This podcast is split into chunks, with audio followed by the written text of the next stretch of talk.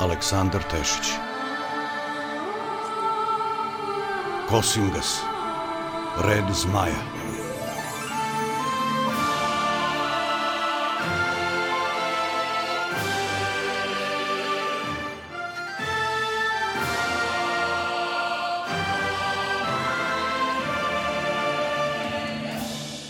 Epizoda peta. Gobelja. Četvrtak. 25. jun leta gospodnjeg 6896. Činilo mi se da sam samo trenuo, jer kad otvorih oči, već se bilo razdanilo jutarnji izmeglica vijugala između starih rastova. Naviknut na nespavanje, pridigao sam se odmoran, ali zato Marko ležao kao mrtav.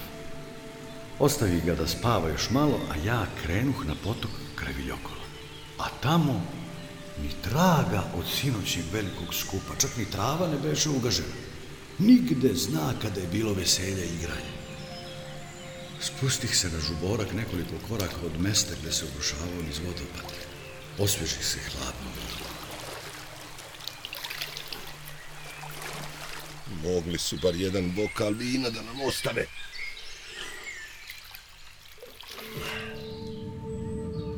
Čutke smo se spakovali i nastavili put. Niko nas nije ispratio, ali zato su nas dočekali na izlazu iz jelovarnika. Nisam mogao vidjeti ko, ali bio sam siguran da nas je neko pratio. Čak se i Marko često osvrtao, mada ništa nije govorio. Kroz gustu šumu staza nas je vodila na sever. Bila je jedva primetna, što je samo govorilo koliko se redko njome išlo. Još je bilo rano, kad izbismo na reku duboku, koju na jedvite jade pregazi smo jer nismo mogli naći pličak, pa do pojasa mokri nastavi smo dalje. Srećo, bilo je sve toplije, pa nam je uskoro čak i prijelo da budemo mokri. Oko podneva obiđo smo goli vrh ledenicu koji se preteći uzdizao iznad nas, a obletao ga je par velikih urlušina. Marko, kad ih vide, seti se oroglava, pa reče. Pokojni otac mi je jednom pričao kad sam bio dete da ga je jedan oroglav bio napao dok je bio u lovu. Kaže, bio je veliki, skoro kao konj i raspao krila beše mu kao dve njegove dužine. Obrušio se na njega iznenada, a spasno ga je to što se konj propeo i bacio ga iz sedla. A pošto mu je moj otac izmakao, oroglav je ščepao njegovog konja i odleteo s njih. Voleo sam tu priču i često sam od oca tražio da mi je pripoveda. Dok se čovjek ne uveri svojim očima, teško mu je da poveruje. Ali naslušao sam se svačega. Ja sam ih viđao redko, samo iz daljine. Nisu oni pitomi, da ih valja izbjegavati.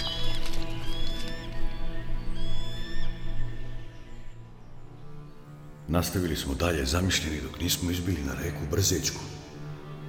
Ona je bila usekla korito između šumovitih brda koje su se dalje na zapad uzdizala sve do nebu pod oblake. Staja smo tako na kolskom putu koji je vijugao zajedno sa rekom zagledani u šumovite vrhove koji su se tog jutra gubili u oblacima. Moramo li gori, da je ne možemo zaobići. Trebalo bi nam bar 15 dana hoda da je zaobiđemo. Toliko vremena nemamo. Budemo li uporni do sutra uveče možemo biti na prevodu. Onda ne čekajmo više, no krenimo.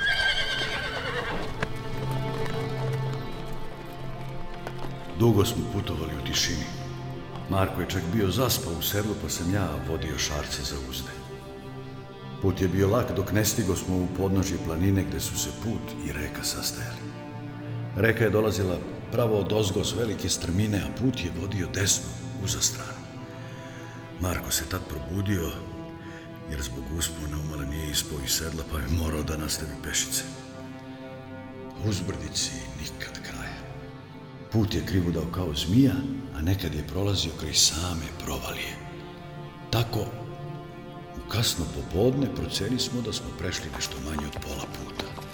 To nas je ohrabrilo da nastavimo dalje kako bismo što više prošli do mraka. Ali, ne lezi vraži. Ubiće mi čer. Ubiće je. Odveli je. Tako ti svog Boga pomagaj. Pomagaj. Lani mi ubiše prvu kćer, neću to izdržati, opet pomagajte. Dobri ljudi, ubiću se ako mi bebu bace u jamu. Ko, gde? Moj tast, dever i muž, odnesuše ju staru jamu. No tamo, tamo će je baciti. Onuda su otišli. Ta staza vodi do rudnika. Dobit ćeš dete, ženo. Ali ćeš ostati bez tasta, devera i muža. Joj, kuku. Joj, ubiće mi tasta, devera i muža. Pa kako ću pred ljude? Ostavih je i potrčak za Markom da sprečim krvoproliće. Trčao sam iz strmu stazu dok me šiblje šibalo po licu i rukama.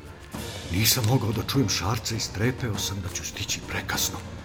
Znao sam da će ih pravdoljubivi Marko poseći bez razmišljanja. Kad začuh galamu ispred sebe, obradovah se znajući da još ima živih. Ali dokad? Posrćući izbih iz grmlja na jednu čistinu ispod kamenjara gdje se videlo staro rudarsko okno. Tu, na njegovom ulazu, Marko je zatekao trojicu muškaraca kako nose odojče, zavijeno u neko staro sivo platno. Sva trojica nosaše dugačke sekirice s malom glavom, koje su više služile za odbranu nego za seču drva. Pohabani i prljavi, ali nabijene građe ne izgledaše nimalo kao neki neuhranjeni rudari, a behu spremni i voljni da se brane od neznanaca. Marko je već bio sjahao i krenuo je mačem na njih kad sam se pojavio. Oni me u čudu gledaše. Sigurno nisu očekivali da vide sveštenika. Stanite ljudi, ne prolijevajte krv. Ma ko ste vi i šta hoćete? Hoćemo da nam predaš dete, pa da kleknete i da vam odrubim glavu. A ko si ti da dolaziš ovamo i da pretiš? Ako si vlastelin, nemaš prava da se mešaš u naše običaje. Kakvi običaj, kakvi bakrači? Običaj da se za čedomorstvo seče glava. Poštedite život tom čeljadu. Majka Jelane već ostala bez jednog deteta. Ne mešaj se, pope, u nešto što ne razumeš.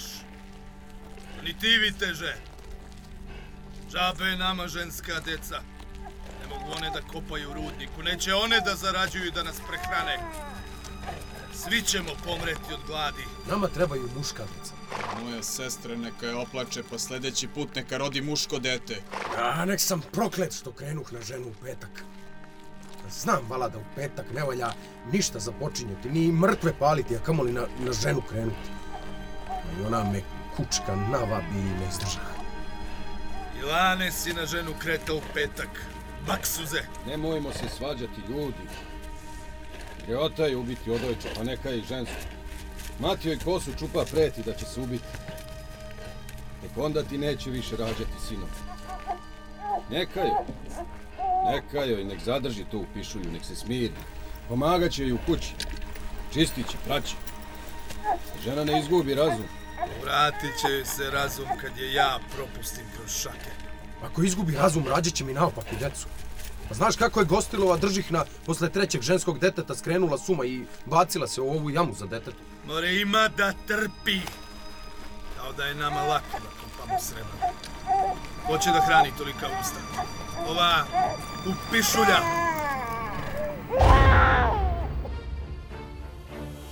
Podiže zavešli s odojčetom iznad glave i htede da ga tresne u zemlju. Mene to iznenadi i sužao sam shvatih da ne mogu stići da potegnem zmijav, ali zato Marko munjevito zavrljači svoj mač i ovoga probode kroz grudi uz mučan zvuk lomljave rebara. Njemu krv navali na usta i poče da pada držeći dete i dalje iznad glave. Otac deteta koji se nađe tu pored, hitro ga uhvati i priljubi u zase. Odojče zaplaka kao da zna šta se dešava. Marko priskoči da uzme mač, a ja već isukah kurjak i krenuh na njih dvojicu. A ovi, videvši popa s mačem u ruci kako ide na njih i starog tasta koji se još koprcao na zemlji dok mu je Marko jednom nogom stajao na grudima da bi izvukao mač iz njega, stadoše kao ukopani. Nemojte tako, Boga, nećemo kao! Poštedit ćemo čeljade, zabogamo se! Sad ćete da nas vodite u vaše selo. Ja ću popričati s vašim starešinom. A ti, Pope, Ovog puta da se nisi mešao. Sad ću ja pravdu da delim.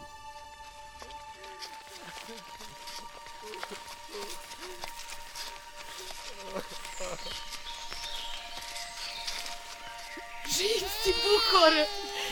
I živo mi je dete!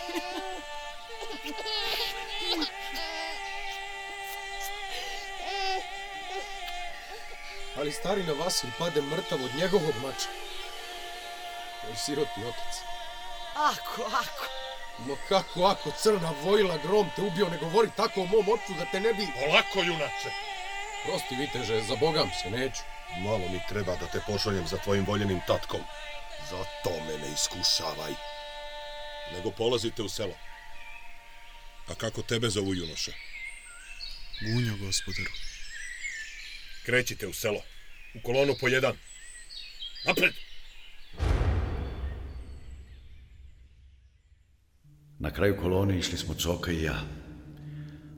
Moram priznati da sam likovao. Beše lepo za promenu da se neko drugi bori protiv naopakosti iz prošlosti, a ja da gledam i da se naslađujem. Neki običaji nisu bili loši niti opasni, u njih nisam dirao, ali ovakve strahote i crkva zabranjivala i kažnjavala. Međutim, nekad je sredinu bilo teško naći. Usput smo išli još pola sata i pred sam smiraj dana ušli smo u selo gde se i završavao. Selo beše najsiromašnije koje sam video i bilo je jasno da su ovi ljudi živeli u bedi. Male kuće od kamena i blata zbijene jedna uz drugu izgledaše više nego jadno. U tih 30 domova živelo je oko dve stotine ljudi. I zaista kad smo naišli među svetom koji je izašao da nas sa znatiželjom dočeka beše vrlo malo žena, ni tridesetak njih. Kuće su bile načičkane u podnožju jedne velike stene u kojoj je bilo probijeno rudarsko okno. Malo dalje beše nekoliko drvenih korita kroz koje je tekla voda koja je služila za ispiranje rude. Marko i ja stado smo i pusti smo ovo troje da odu među svoje koji su ih zagledali i pokušavali da dokuče šta se desilo. Pošto starine Vasila ne beše s nama, svima bi jasno da mu se nešto desilo. Zato jedan krupan čovek s crnom bradom izađe pred svetinu i naglas reče. Šta uradiste s Vasilom? Vidim da mu deca plaču. Gdje je on? I zašto je ova u pišulje još živa? Ko si ti? Ja sam Želina. Pa reci nas, Srebrena. Marko je željno čekao da mu još neko dođe na domaša i mača. Ja stadoh uz Marka, zamantijah haljinu i u ruci mi blesnu strašnu kurjak, a na grudima sjajna verižnjača od zmajevih krljušti. Ljudi ustuknuše kad videše da smo dvojica i da bez mnogo priče sečemo glave pa se žagor umiri. Nehte doh ništa da kažem iz pustih Marka da nastavi započeto. A on odmeri svetinu mrkim pogledom, pa kad se uveri da nam ne preti opasnost, pogleda oko sebe tražeći nešto i gleda jednu motku visine čoveka koja beše naslonjena uz obležnu kuću, pa je dohvati. Zašilji oba njena kraja s nekoliko udaraca mačem i sve bez reči. Uhvati krvovu glavu koja je ležala izbečenih očiju gledala u vojilu, pa je nataknu na jedan kraj motke, a drugi kraj pobode u zemlju pored njegovog tela. Za koji dan ću se vratiti ovim putem? A budem li video da ste skinuli ovu glavu, poseći ću drugih pet i nataknut ću ih na njeno mesto. Ne zateknem li Vojlu njeno odojče žive, nataknut ću deset glava na kolac. Čujem li od Vojle da je još neka u pisulja bačena u jamu, nataknut ću dvadeset glava na kolac. A ne prestanete li s ovim, nataknut ću sve muške glave na kolac, a selo ću popaliti i žene rasterati. Ne da ovo Bog da ne bude tako kad se vratim.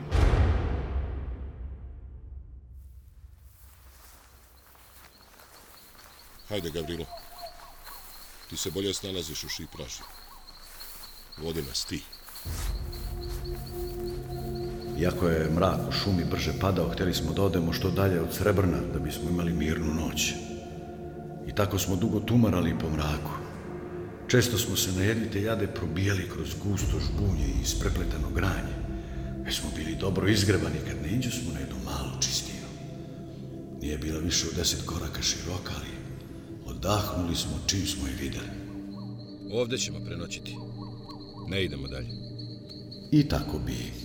Raskomotili smo se koliko smo mogli i za noći smo kraj naših životinja. Obojica umorni, samo se izvali smo na svoje ponjave. Uze smo malo Miroševe pogače i sušene ćuretine i preda smo se odmoru. Se Markovog hrkanja ništa drugo u šumi nije se čulo. Mogao sam na miru da nastavim svoje pisanje od pre neki dan i da nacrtam nakaznog sketebu, mada mi je ruka drhtala, ali i grdnog graveta i nakrasnu vilu ravijojlo.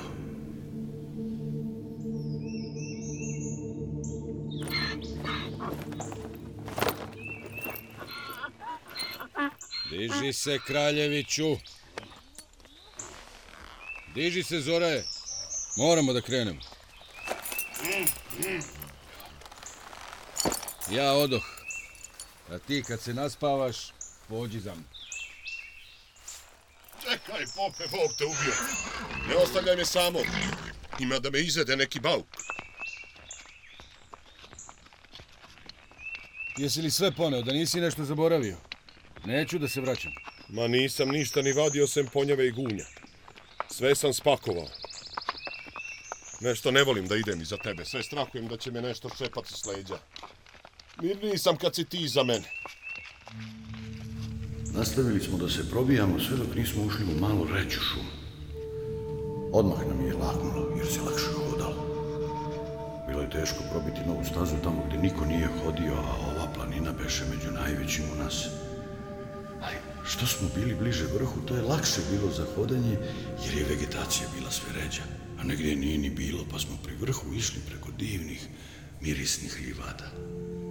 Kad smo u podne izbili na prevoj, pred nama se uzizao malo viši gobeljski venac. Nakon kratkog odmora i jela nastavili smo dalje, rešeni da pređemo taj vrh pre mraka, kako bismo našli neki dobar zaklon od vetra s druge strane. Jer sa ove istočne strane šibao nas je takav vetar da smo morali da obučemo gunjeve. A kad se oblak spusti na nas, još više zahladne i onda morao smo da stanemo da ne bismo skrenuli i upali u neku provaliju. Ne priča smo ništa, ali čim nas je uhvatila magla, Marko i ja se zgleda smo, jer u jednoj takvoj magli čekao nas je sketeba. O čemu razmišljaš? O ženi i sinu. Nedostaju mi.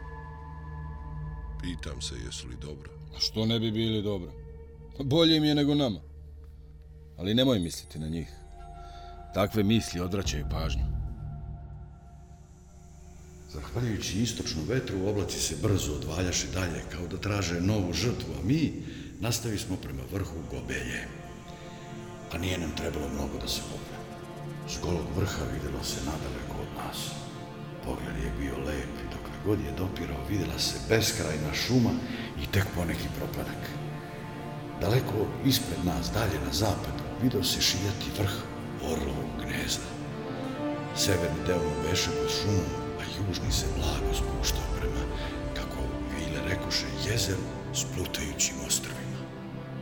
Ono se nije moglo vidjeti jer je bilo sa zapadne strane planine, ali bilo nam je lakše kad znamo kuda treba da idemo. Imao sam pomešano osjećanja prema tom mestu. Bio sam nestrpljiv da ga vidim jer sam se naslušao svakojakih priča, nisam ga nikad video. Ali osjećao sam i strah od neizvesnog ishoda sa. Nisam želao da se Marko brine. Ali to što je ta zver opstala toliko dugo među ljudima, činilo je posebno lukavo. Popodne je odmicalo, pa smo brzo krenuli niz gobelju, rešili da pronađemo dobro mesto za prenoćište, bar bolje od sinoćnjeg, i po mogućstvu kraj neke vode. Kad vidio smo da je ispred nas velika padina i da nećemo naći neko ravno mesto, okrenu smo ka jugu u pravcu najvišeg vrha Koponika. U daljini su se vidjeli proplanci, a bliže nama ležaše stene. A kako je sunce kao se brže zalazilo, odluči smo se za stene umjesto za proplanak. Ostalom, one mogu pružiti bolju zaštitu od vetra, a i veća je verovatnoća da u blizini bude neka voda. Naše zalihe su se brzo smanjivale. E, pruži smo korak. Trkali smo se sa suncem. Vetar je sve jače duvo i hteli smo da stignemo u tih stena pre mraka. Marko je čak uzjehao šarce i nečekajući me odmakao ispred mene. Dokle god sam mogao da ga vidim, nisam nameravao da ga dozivam da stane. Nekad je bilo bolje kretati se odvojen. Kad izađu iz šumarka, pred stene, ima dok šta da vidim. Marko na šarcu stoji kroz jednog golemog panja, čiji su debeli korenovi štrčali iz zemlje kao noge ogromnog pauka. Debela hrapava kora izgledala je neprobojno, a panj kao da mu je neki džin polomio stablo jer su vrhovi bili iskidani i nazubljeni. Rupe po njemu behu duboke i mračne, kao da kriju neke opasne bauke. Ako su vilin hrastovi bili ogromni i široki, ovaj panj je bio od nekog nepoznatog i davno nestalog stabla i bio je dvostruko širi od njih. I ne čudi što ga je Marko sa čuđenjem gledao, jer tako nešto nikad se ne viđe. Ili bar skoro nikad. Vidiš li ti ovo čudo, Gavrilo? Jesi li ti ikad video ovako nešto?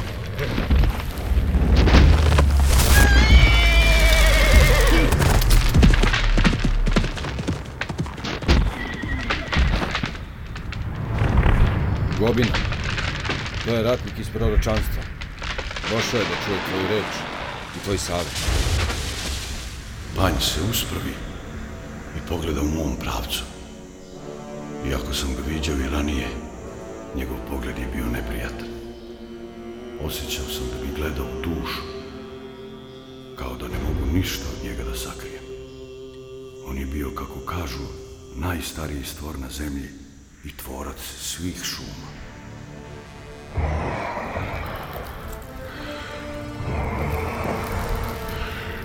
Pepela će se dići vatra jača.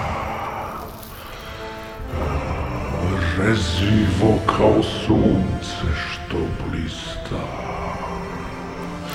Biće to moć kao jarovita mača. U koricama od srebra čista.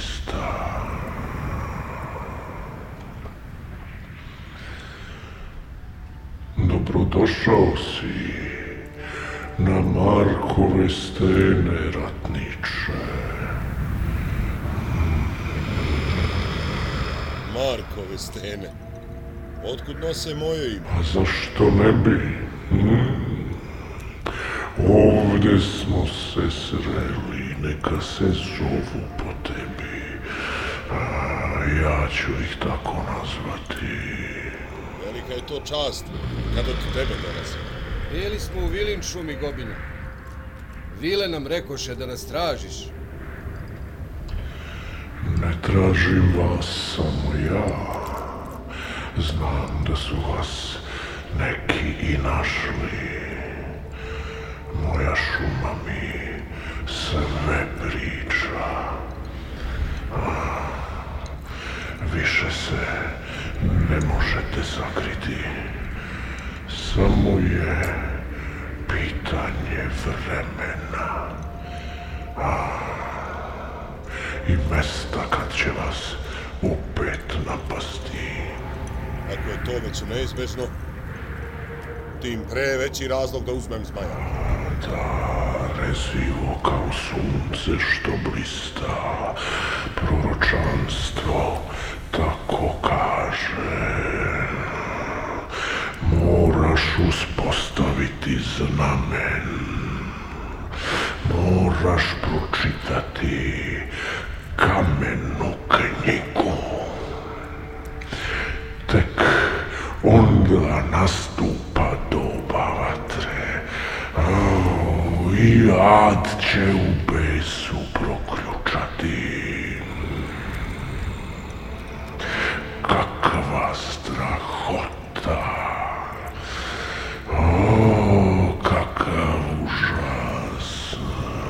Kažu da jedino ti znaš gde je kamena knjiga u koju suđaje upisuju sudbine ljudi. Uputi nas k njoj. Neka Marko uspostavi znamen. Neka bude kako mora biti. Kamena knjiga. Da. U omu je veliki krš. Bezdan. Kako da nađemo bezdan u velikom kršu? Ja sam hodio kršom, ali nisam čuo za bezdan.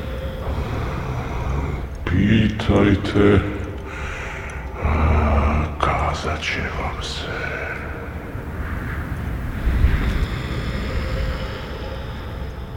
Idemo u omulje da tražimo savet i pomoć od svetovida. Možeš li nas uputiti k njemu? Svetovid, nekad moćan, sada tužan. Tražite beli izvor, a njegovo svetilište. Ratniče, moraš postati Kosingas. A inače ćeš umreti smrću kakvom čovek do sad nikad nije. A, užas. A, poznaješ li lice užasa? Poznaješ li lice straha?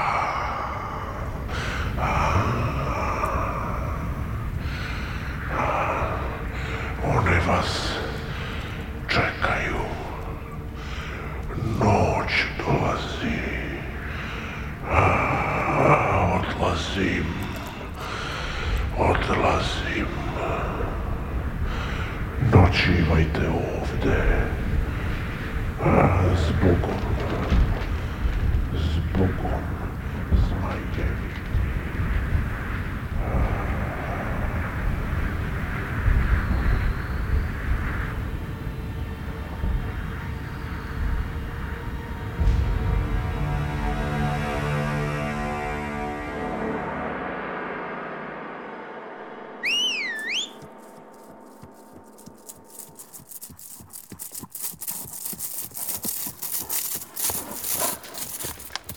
Lepo od tebe, prijatelj.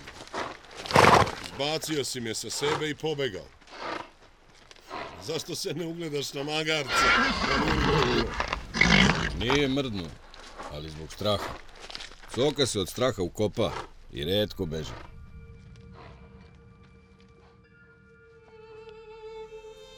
Rasteretili smo životinje i spremili noćište među stenama. Oni su bile kao jedan veliki groz na samoj ivici strmine na koje je pucao divan pogled na beskrajnu šumu ispod nas. U daljini, sa zalaskom sunca orlovo gnezdo je tonulo u sumrak. Osjećao sam kako mrak i hladnoće pritiskaju. Okruženi stenama, uspeli smo da se sklonimo od vetra, a vatra nas je dobro grejala. Sedeli smo čutke i posmatrali igru senke na stenama oko nas i slušali zavijanje vetra. Negde u daljini, povremeno bismo čuli gobinu kako tumara šumom. Za ovih desetak dana što sam s tobom, Gavrilo, promenio sam se više no za ceo svoj život. A nisam više mlad. Takva ti je sudbina. Mi smo predodređeni za nešto drugo i ne možemo imati običan život. Mnogo je drugačije na dvoru, u gradu. Ljudi su drugačiji. Nema naopakosti kakve smo ovde sretali.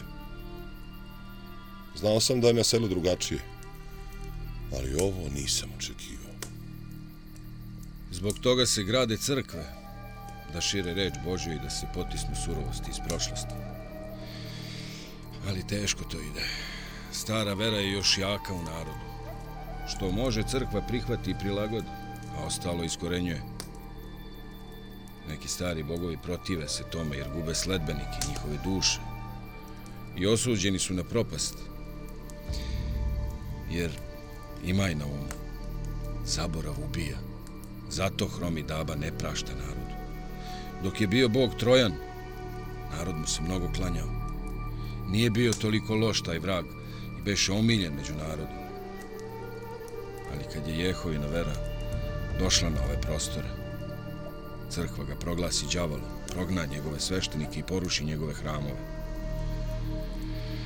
Vrag je pao i u Jehovinu nemilost, pa se morao povući, jer mu je moć bila sve slabija, a sveti Todur ga je dotukao.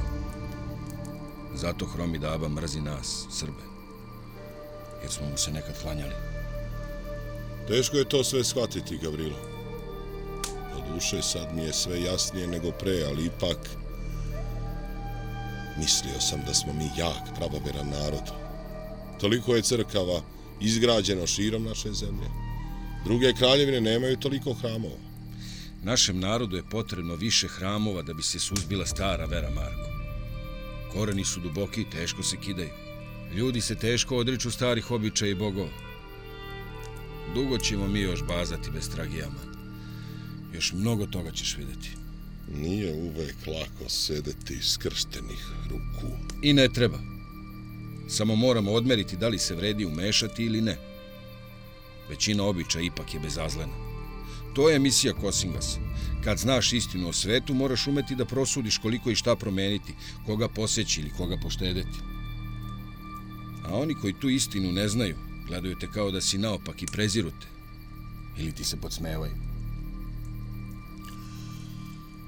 Hoću li ikad vidjeti ženu i sina? Hoćeš, kraljeviću. Hoćeš jednog dana. Teške su ti reči, monaše. Teške, kao ove stene. Bi mi smešno. Eto, jedan ne može oka da sklopi već 20 godina, a drugi zaspi pre nego što spusti glavu na zemlju. Posmatrao sam još malo senke kako igraju na stenama i ponekad bi čuo gobinu u daljini. Taj njegov zov ulivao mi je spokoj. Ne znam zašto znajući da u mraku nedaleko od naše vatre čuče nakaradne uhode i zada i da sam, ako sam hteo, mogao da primetim njihove žute oči kako zure u nas iz tame, bilo je umirujuće čuti stvora kao što je gobina. Srećom, opasnosti još nije bilo. Čini mi se da je bila ponoć kad sam izvadio svoju pisanku i mastilo i nastavio da beležim naše dogodovštine toga dana. Sa uživanjem sam nacrtao gobinu što sam vernije mogao. Volao sam to. Vreme je brže prolazilo. A sutra bih nastavio, ako Bog da.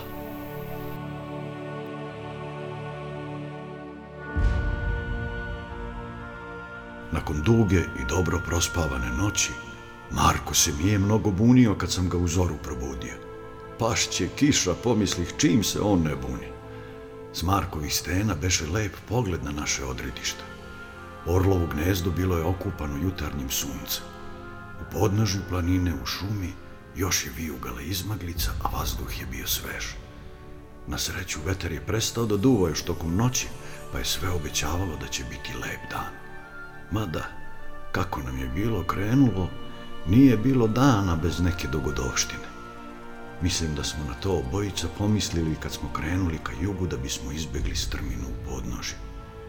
A kako je ova zemlja bila nenastanjena, mnoga mesta nisu imala ime, pa smo tako došavši na jednu reku koja je tekla u pravcu severa, odlučili da pratimo njen tok, jer se njenom obalom moglo lako putovati, a tekla je u pravcu orlovog gnezda. Procenili smo da, ako usput ne bude nevolja, možemo stići u njegovo podnožje do uveče. Kako su sati odmicali, što zbog puta nizbrdo, što zbog izgleda da neće biti iznenađenja, raspoloženje nam je bilo dobro. Zbog te uljuljkanosti nas je toliko iznenadio napad jednog stuhača, a sve se desilo munjevito. Taj šumski demon sa udovima i bradom koji su se završavali kao upleteno korenje bacio se s nekog stabla pravo na mene. Iako me je oborio na zemlju još amutio srećom me nije zakačio u glavu jer bi me verovatno ubio ali udarac je bio strašno jak. Osjećao sam kako me snaga napušta i kako mi se vitla po glavi. Video sam kako se u jednom skoku našao na Marku. Kraljević je uspeo da isuče mač, ali demon je već bio na njemu i jednim udarcem ga je oborio s konja pravo u reku pored koje smo išli. Videh da bi se stuhač opet bacio na njega da ga dokusuri, ali oni ne vole vodu, pa on ustuknu i brzo se okrenu k meni. No videvši da ja ležim na zemlji, on se baci na sirotog cogu. Pomislih da će ubiti sirotog magarca koji stade da njače od straha, ali demon poče da kopa po našim stvarima i da ih razbacuje uokolo kao da nešto traži. Pritom je ispuštao neki kreštav zvuk koji još više uznemiri magarca i šarca. Marko priskoči s mačem u ruci i sleđa napadnu stuhaća. I sve snagi udari mačem po leđima, ali rezivo ga okrznu isto kao da je zagrebao koru drveta. Međutim, stuhac se prenu i iz okreta udari Marka još jednom preko lica. Ovaj polete unazad i osta bez svesti na zemlji. Bilo je to dovoljno da se ja saberem. I dok je stuhač preturao po našim brećama, ja izvadi zmija i zategnuh praćku sa zmajsuzom. U to i pronađe ono što je tražio i svećan podiže jaje oroglava uvis slaveći piskavim pokličima svoj uspeh. Kad se okrenuo prema meni, za tren mu se oči iskolačiše od užasa i to je bilo posljednje što je video. Ustah polako jer mi se još mantalo po glavi i priđoh Marku da mu pomognem. Vrati za pojas zmijav, a jaje oroglava u bisagi.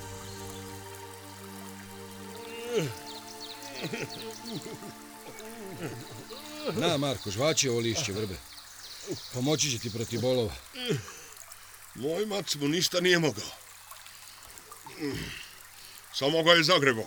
Da si imao zmajat, ubio bi stuhača, zato ga se moramo dokopati. Ti moraš imati oružje kojim ćeš moći da se boriš s neljudima. Snagu i hrabrost imaš. Ostaje još samo oružje. Kao što ja imam zmijavi kurjak. Mm. Da. A kad budem imao zmajat, bit će drugačiji. Nego šta je hteo ovaj, kako reče, stuhać. Roglavovo jaje. Jednom ga je već ukrao i vile su mu ga preotele. A sad ga je opet hteo. Zašto? Šta će mu da ga pojede? Ne. Stuhači vole da odgajaju oroglave koje posle koriste za svoja nedela. Za krađu stoke ili da napadaju ljude i decu. Ovaj više nikom neće nauditi.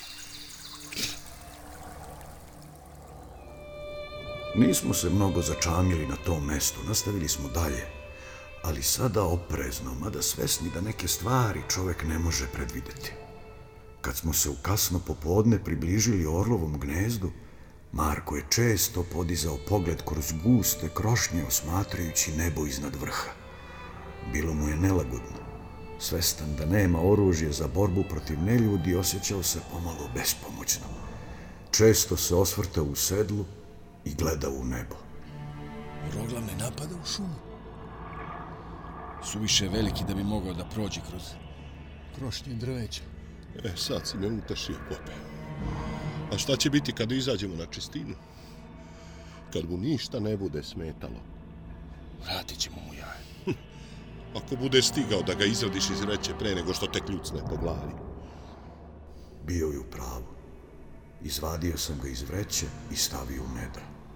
Odatle ću ga brže izvaditi.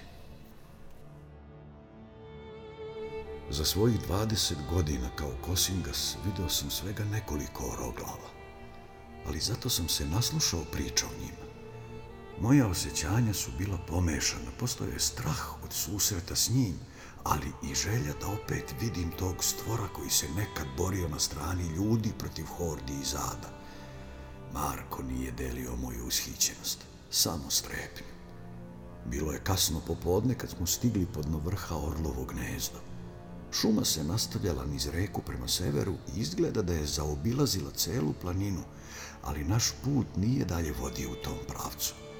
Trebalo je da krenemo uzbrdo ka vrhu i odatle da se spustimo prema jezeru. Ali da nas mrak ne bi zatekao na vrhu, predložih da zanoćemo u šumi i da se izrana uputimo gore, što je Marko obe ručke prihvatio. Bio je nervozan i rado bi odložio susret s Oroglovom. Zato je te večeri bio neraspoložen za priču, pa je pod izgovorom da ga glava još boli od udarca stuhaća legao da spava. Međutim, nije mogao da zaspi. Dugo se prevrtao po ponjavi, gunđao i nikako nije mogao da se namesti. Tek je u gluvo doba noći zaspao, a san mu je bio plitak i nemiran. Primetio sam da se trza na svaki šum iz mraka, pa je na kraju zagrlio mač i tako zaspao.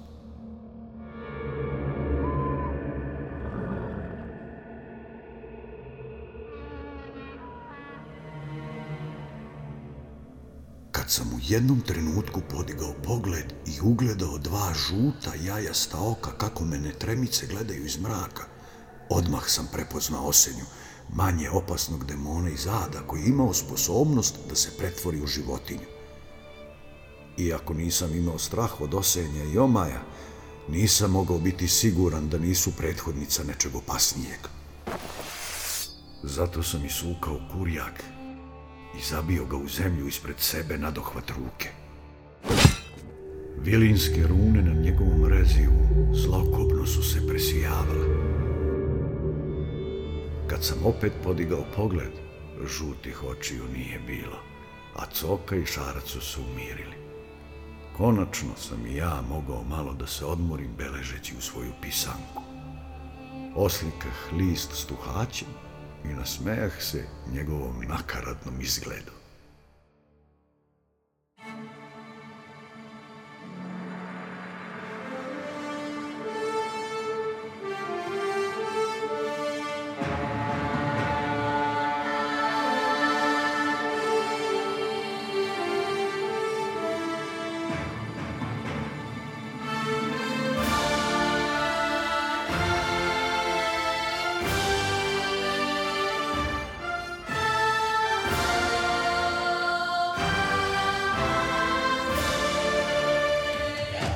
Slušali ste petu epizodu Kosingas, Red Zmaja Aleksandra Tešića.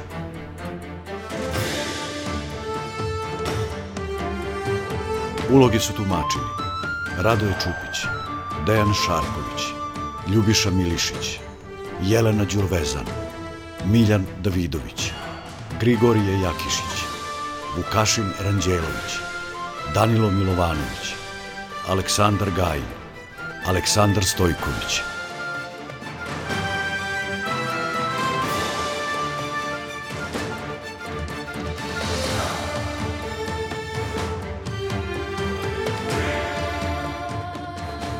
Dizajn zvuka Aleksandar Marković. Ton majstor Milorad Ičitović. Reditelj Manuel Srbin. Kompozitor Nikola Jeremić. Organizator Suzana Simić urednik dramskog programa Slobodan Govorčić.